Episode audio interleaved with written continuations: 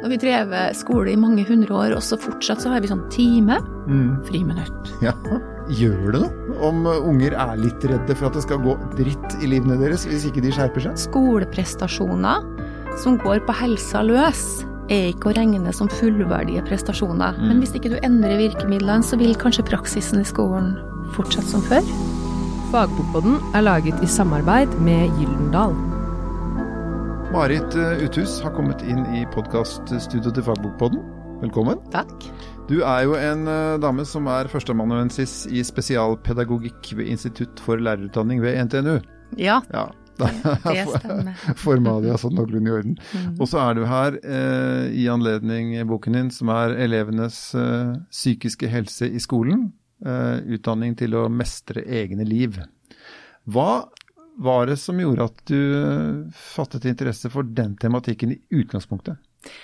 Um, jeg tror ideen til boka kom eh, rett og slett eh, når jeg så Erna Solberg på TV, der hun fortalte at det skulle være en stor konferanse, nordisk, om psykiske helseplager blant ungdom. Og der jeg bet meg merke i at ikke hun nevnte eh, som en mulig arena for å prøve å forstå fenomenet, da. Ok, så her skal vi ta oss av uh, ungene, men vi skulle ikke eh, involvere den instansen som hadde dem flest timer i døgnet? Nei, for du vet, eh, barn går inn i skolebygget når de er seks år, Mm. og så tilbringer de store deler av dagen sin der til de er 19. Så det er jo det, har, det, det fyller barndommen, for skolen er en viktig del av barndommen. Mm. Og, og jeg tenkte at eh, de nevnte ikke spesifikt, da nevnte ikke det her med prestasjonspress, som da var et tema i utdanningsfeltet, da, som vi var opptatt av. Det her med Ja, vi måler jo prestasjon. Ja. Vi måler om hvor mye- de er til stede, og vi måler hva de presterer. ja. Og det er mindre praktisk-estetiske fag, altså på timeplanen enn det var før. Det er mer eh, kunnskapstesting. Det er definerte kompetansemål. Mm. eh, Og kontrollsystem for hvor, hvordan skolen leverer denne kunnskapsvaren, da. Eh, Offentliggjøring f.eks. av nasjonale prøveresultater. Ja, ikke sant? Hvor skolene og utdanningsinstitusjonene konkurrerer med hverandre og sånn. Eh, men det er jo voksenverden. Da er det jo på en måte bedriftene, for å kalle skolen for det, da. Det er sikkert å banne i mange kjerker, men eh, da er det bedriftene som på en måte eh, viser til årsregnskapet sitt, resultatet sitt. Ja, det er voksenverden, men det er, det er jo sånn at barn Altså skolen er jo en verdikontekst der, eh, der man fanger opp signal eh, som skjer, altså i forhold til det som skjer i konteksten utafor skolen. Og lærere kjenner jo på det her presset. Og elever vil kunne fange opp at lærere kjenner på det presset. Jeg husker jeg kjørte til, kjørte trening med min datter når hun gikk på Var det på femte trinn? Eller var det tredje trinn? Jeg husker ikke lenger. Men hun, hun, hun kikka på meg med store øyne og sa 'mamma, jeg er så stressa'. 'Å, er du stressa, Ingeborg? Hva du stresser med, du?' Jeg er så stressa, mamma, fordi at læreren sier at vi skal ha nasjonale prøver i norsk, og, og at eh, vi må gjøre det bra fordi kommunen blir sammenligna. Oh, ja. Så man blir på en måte satt i en slags gapestokk. Ja. Ja. Det, vi kan jo le av det, men i et barnesinn så kan det jo være en tung bør, det, å, å stå til ansvar for læreren sin som, Ja. som skal levere den her prøven, og kommunen blir sammenligna. Jeg tenkte etterpå, hvis jeg hadde spurt du om jeg forsto hva læreren mente, det er sånn helt bokstavelig med kommunen og så er det jo ikke sikkert at du hadde klart å svare for det, men jeg tror opplagt du skjønte at det lå en bør på hennes skuldre. Ja, så er det jo ikke sikkert at man som barn klarer å se den anonymiseringen som gjelder oss som enkeltmennesker i Når alle de eh, store, virkelig tunge, alvorlige ordene blir brukt, da. Eh, regjering, kommune, nasjon, altså nasjonal. Det er jo, det er jo to, det er tøffe ord for barn. Så, så da ble jeg veldig nysgjerrig, ja. Og det her med stress, da. Hun, hun brukte jo ordet stress òg, da. Uh, og, og jeg leste en, en rapport fra uh, noe som heter OECD. Det er en rapport om økono, eller en organisasjon for økonomisk samarbeid, da. Eh, men til og med der så står det å lese at skoleprestasjoner som går på helsa løs, er ikke å regne som fullverdige prestasjoner. Nei, for de er jo ikke bærekraftige sånn uh, i menneskesammenheng. men, men dette her, du, du, siterer jo også uh, Verdens helseorganisasjon, som, som, sier at ikke noe utdanningssystem vil uh, nå bare ta en norsk oversettelse her, vil funke uten å ivareta den psykiske og fysiske helsen til sine studenter, lærere og miljø. Mm. Så, så, det virker ikke som at du er den eneste som, som ser disse tingene, men det virker som at kanskje en del skole, skolemyndigheter, for å kalle det det, da, mm. ikke er så opptatt av det. Nei, det var det jeg bet meg merke i, og da tenkte jeg at eh, jeg var nysgjerrig på sammenhengen altså mellom eh, prestasjonspress i skolen og elevers psykiske helseplager. Men eh, når vi begynte å se nærmere på det her, så ble jeg jo veldig nysgjerrig på det her Altså, jeg fikk et bilde, da, i hodet på at den her seksåringen går inn i det skolebygget, opp trappa sånn og inn i bygget, mm. og så oppholder vedkommende seg der, den lille jenta da, eller gutten, i alle de her 13 åra. Og så liksom, hvordan skal vi sikre at det barnet Altså, det har noe med seg en psykisk helse når det kommer inn i det bygget. Eh, det er nå én ting, men det er jo helt opplagt at det her barnets psykiske helse eh, blir påvirka av de erfaringene det gjør seg inni det her bygget. Hvordan skal vi sikre oss at det barnet går ut mm. av bygget på baksida etter 13 år med helsa i behold? Og det, da er det et annet perspektiv, for da er det hvordan kan vi drive skole og fylle det med innhold og, og, og praksis som gjør at barn får god psykisk helse av å være der. Mhm. Skjønner du? Ja, men da må vi jo måle lærerne på det, gjør vi det? Uh, altså det, da tenker jeg at uh, Nei, altså vi måler jo ikke psykisk altså Det er jo Ungdata som på en måte kan avdekke liksom noe med, over tid, da, hvor da, og Hevas-undersøkelsen fra Bergen. Mm. Uh, så, eller vi har mange, vi begynner å ha flere del, del, delstudier og litt mindre studier. Men, men akkurat det på å måle liksom, hvordan lærere klarer å fremme psykisk helse, det kan jo være en vanskelig business, skulle jeg si. Men vi vet jo mye om, og det er jo derfor denne boka her kanskje kan ha betydning, da, fordi vi viser hvordan f.eks. det her med behovet for å høre til i et fellesskap har betydning for helse. Mm. Altså, mm, jeg liker å si at Maslow, da, eh, som mange innenfor det pedagogiske feltet i hvert fall ja, Pyramiden sin. Mm. Den var jo på en måte ikke forskningsbasert, men Maslow tenkte at det var logisk da at vi, det mest grunnleggende behovet er det her med mat og drikke, og så er det behov for ikke å være i krig, mm. naturkatastrofer, altså trygghet, og så kommer behovet for samhørighet og det å, å, å være en del av en flokk, da, tilhørighet. Um, og, og, over der det at vi realiserer våre potensial. Um, sånn at um, Forskere har tenkt at det her er jo interessant å gå etter i sømmene. Er det her sånn som vi har tenkt, sånn som Maslow tenkt? Mm. Og så viser det seg at de foreslår da, gjennom å oppsummere en del forskning på, på feltet, at nei, um, det behovet for å høre til kan tilnærma regnes som like viktig som mat og drikke. Mm. Og da snakker vi jo eh, altså helse på liv og død. Og jeg tenker, jeg har hørt politiet i Trondheim snakke om rekruttering til IS, og da handler det ofte om utenforskap, mm. ikke sant? Og da vil man gå der og er villig til å ta liv for å oppleve tilhørighet, eller mobbehistorier der ungdom tar sitt eget liv i mangel på opplevelse av tilhørighet. Altså, så hvis, at mennesket som flokkdyr er så At dette er så en så stor dimensjon av oss? Ja. Mm. Og at, um, at hvis ikke vi lykkes lykkes med inkludering i skolen, så vil jo skolen være en arena som fremmer uhelse. Mm. Opplagt. Og med at vi, vi favner hele populasjonen, ikke sant. Det er ingen arena annet enn barnehagen som favner alle. Og det å satse på inkludering i skolen, som er kanskje et av de temaene som er mest gjennomgående i boka, eh, det, det, det er livsviktig, da, for å si det bokstavelig talt. Men det er jo veldig sånn fort gjort å tenke at skolen skal utdanne og skolere, og så lager vi noen mål på det. ikke sant? Vi skal ha de og de ferdighetene i vårt eget språk, vi skal ha de, de ferdighetene i andre språk, og så har vi matematikk, og så har vi historie og så sånn og sånn. Så dette må barna lære. Mm -hmm. eh, og om de syns det er gøy å spikke seljefløyte, så kan de gjøre det på fritida, på en måte. Det har vi ikke tid til å drive med i skolen. Skjønner du den fornuften som ligger i det, på en måte? Den litt sånn, litt sånn, brutale matematiske fornuften i å si at her har vi de timene vi må få banka inn dette her? Altså, kunnskap er jo, er jo en inngangsbillett til, til samfunnet, og det har det jo alltid vært. Uh, og... Ja, men nå setter vi jo låser på dører òg, da. Vi avskilter jo dyktige mekanikere fordi de ikke har, har papirer i orden, ja. liksom. Så vi, vi, er jo Ja. Jeg, men jeg tenker jo det at, at uh, psykisk helse Altså hvis du, har, hvis du sitter som elev i skolen og er bekymra, du, du opplever ensomhet, usikker på fremtida di, så klarer du jo heller ikke å nyttiggjøre det av uh, det som foregår, mm. og det læreren prøver å formidle, eller det du skal sitte og jobbe med i, i faga, da. Så det er jo det er jo en opplagt sammenheng mellom altså psykisk helse og læring. Mm. Men jeg, jeg, tenker også at det, vi kan fort gå i en felle der at liksom psykisk helse, at vi hele tida skal argumentere for det fordi at det er effektivt for læring, da. Life is not an outcome. Nei. Du vet det? Mm.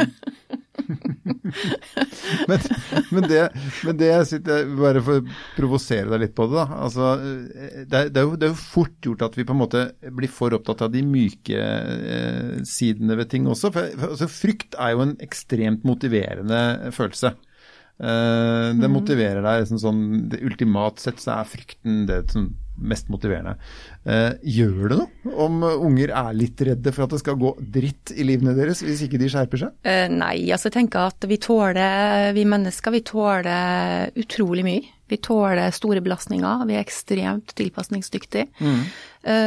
og hvis du ser for deg en sånn linje, da, eller en slags, en slags Eh, linje som vi balanserer på, da, så, så, kan stress være veldig sunt og godt for, oss. ja, for det er jo egentlig sånn rent biologisk så er det jo noe som skjerper, setter i stand til å yte. Altså, ja. Ja, ja, skulle yte deg i dag, det her er ikke mitt medie. Nei. Og så sitter jeg her og, og kjenner på en sånn oh, skrekkblanda fryd, og at det er deilig òg, da, på sin måte. Ja.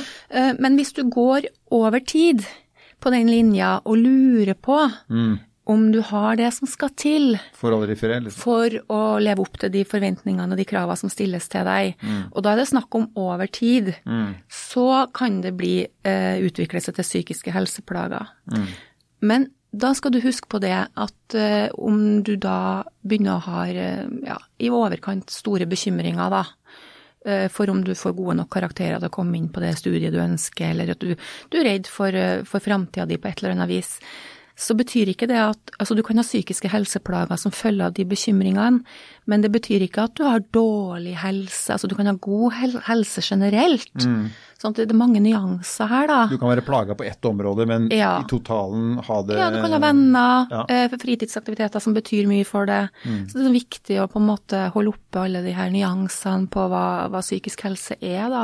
Ja, for jeg tenker på nettopp den balansen der. At det, er, for, for vi, vi, det er ikke noe tvil om at veldig, veldig mange unge mennesker i dag sliter psykisk. Mm. Eh, og så har de kanskje også tid til det eh, på en annen måte enn man hadde Altså, det fins ører som hører på det, da. Eh, er det også en fare i at vi kan bli for fokusert på det? Altså mm, jeg skriver om det her i boka og tenker at det er klart uh, altså Hvis du blir spurt om du har vært veldig mye bekymra den siste uka, mm. så det er klart at hvis ingen hadde stilt det spørsmålet, så hadde du kanskje ikke tenkt på det, og, og så blir du fryktelig opphengt i det. Uh, så det tar jo ungdataforskerne høyde for. Samtidig så uh, syns jeg det er veldig interessant at de gjør sånne dybdeintervju og følger opp uh, ungdommers opplevelser av uh, bl.a. stress og press i skolen, da, og der, der, de er veldig tydelige på uh, Altså de utdyper det på en måte som gjør at det blir veldig troverdig, da. Mm. Og nå, siste Ungdata-undersøkelsen viser jo det her med at sosiale medier, medier er ikke så Det er ikke så belastende som vi kanskje tror. Mens skolen er det de knytter på en måte sånn ja, okay. Ganske systematisk, da. så, så, det er flere elever som er stressa på skolen enn som er stressa på mm.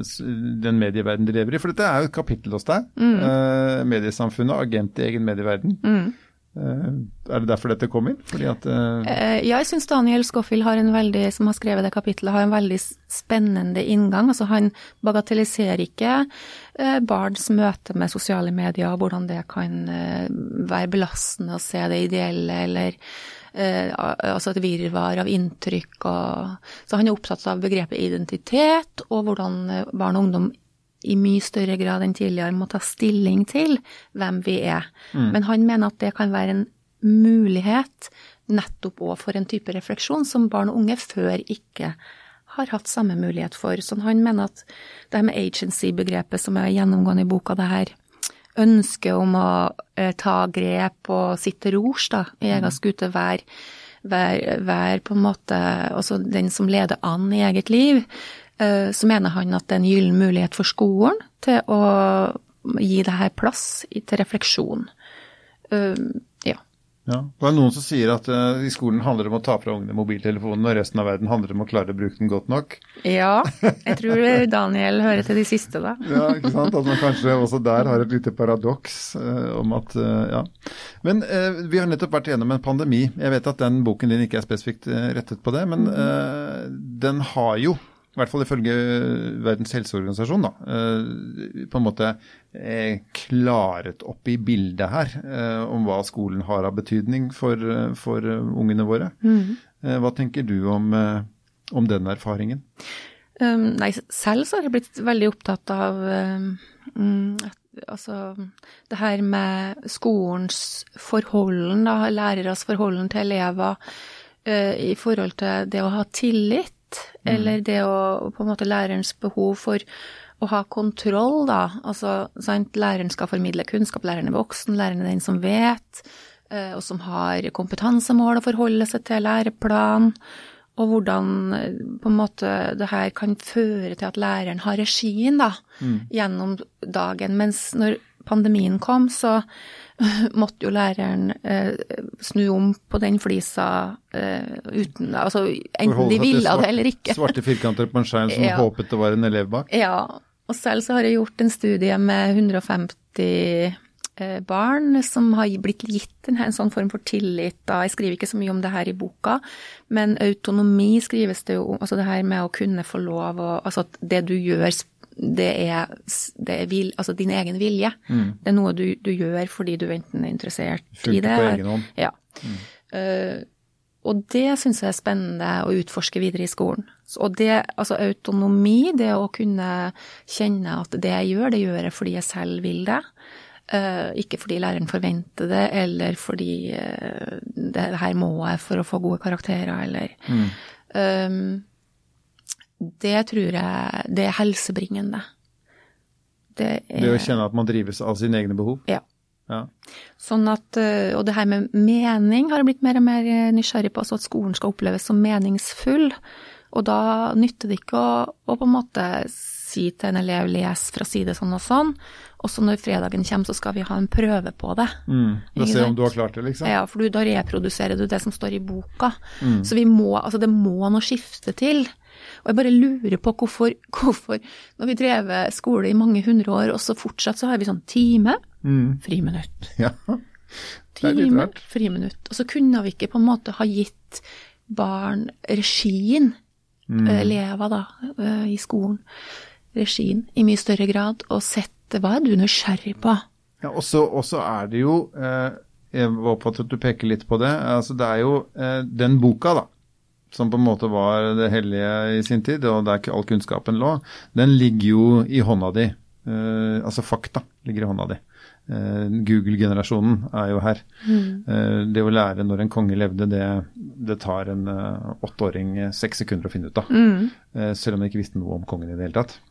men tenker du at undervisning og hele skoletanken på en måte henger litt etter?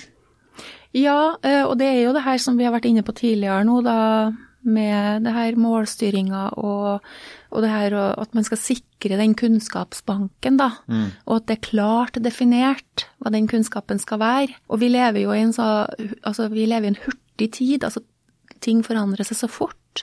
Så vi vet jo ikke hva, hva morgendagens yrker eh, trenger. Nei, og, og, veldig mange av de yrkene vi har i dag, stor prosent av de fantes jo ikke for 30 år siden. Nei. Så det kommer nye til hele tiden. Mm. Og det er faktisk ikke mulig å lage en, en, en god bok i f.eks. IT. Mm. Det, det, lar seg ikke gjøre. Nei. Så kjedsomhet og tap av mening, mm. det bringer uhelse. Mens autonomi og kreativitet, problemløsning, altså Mm, så, så, det må noe skifte til, da.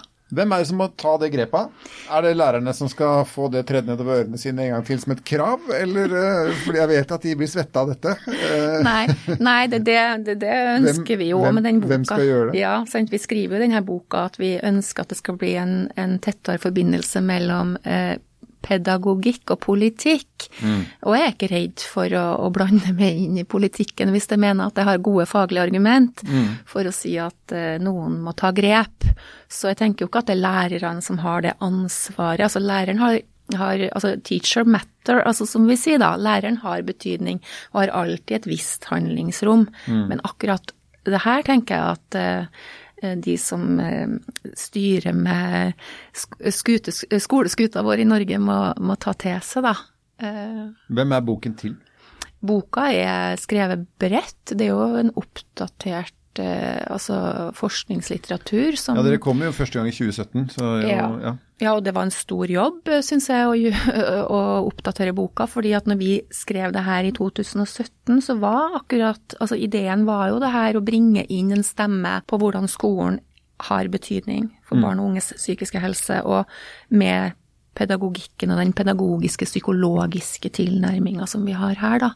Sånn at vi ønsker jo på en måte å øh, den, og nå, nå, altså de som sitter med myndighet og bestemmer over skolen. Mm. Men vi ønsker jo like mye å nå ut til forskningskollegaer. Altså, jeg syns at det er mange gode bidrag om elevers psykiske helse i skolen. Og mange viktige innganger. Det skriver jeg om litt til slutt i boka. Og vi har ett bidrag. Mm. Men vi ønsker å, å nå ut til studenter, selvfølgelig. Eh, og at både de som eh, er under utdanning, og de som tar videreutdanning. Det er mange lærere i dag. Så noen ideer om viktige felt? Ja. Mm. Og så skriver jeg jo til slutt i boka om det her med at øh, forskning viser at lærere lurer på de her begrepene, psykisk helse, og på en måte syns de blir fremmedgjort og at de sier nei, øh, jeg vet ikke, jeg syns det er litt sånn skummelt å tenke på at jeg skal ha ansvar for folkehelsa, jeg. Mm. Og det kan jo man liksom se for seg, en sånn litt sånn stor, tung bør. Ja, uh, så, så, med boka så vil vi på en måte knytte de linjene, da, til å vise hvordan uh, forhold som lærere kanskje alltid har vært opptatt av. Altså hvordan eleven trives, hvordan det å gi eleven en stemme. Hvordan det å skape variasjon, tilrettelegge for mestring, eh, hvordan det å få til trygge fellesskap, som vi nå har vært innom som mm, tema, mm, mm, mm. hvordan det er helsebringende. Og hvis ikke det er der, hvordan det skaper da psykiske helseplager. Sånn at mm, vi, vi, vil nå bredt, da, mm. med boka. Førsteutgaven kom i 2017. Ja. Det er fem år siden. Mm. Hvis vi tar fem år fra nå. Mm. Hva håper du du må endre i boka di da? Uh, nei altså, altså, som du har fått til? Ja, sant. Det var det. Jeg håper jo at vi Altså det er jo Det, det skrives jo om en tillitsreform i denne eh, blokka som heter Hurdalsplattformen, som ny regjering kom på banen med. Uh, men det gjenstår å se, fordi det er tilbake til de her virkemidlene da, som vi har vært inne på. Måling eh, og eh, ja, for prøver og For du kan ville mye godt, mm. men hvis ikke du endrer virkemidlene, så vil kanskje praksisen i skolen fortsette som før. Marit Uthus, takk for at du kom. Takk for at jeg fikk lov å komme. Fagbokboden er laget i samarbeid med Gyldendal.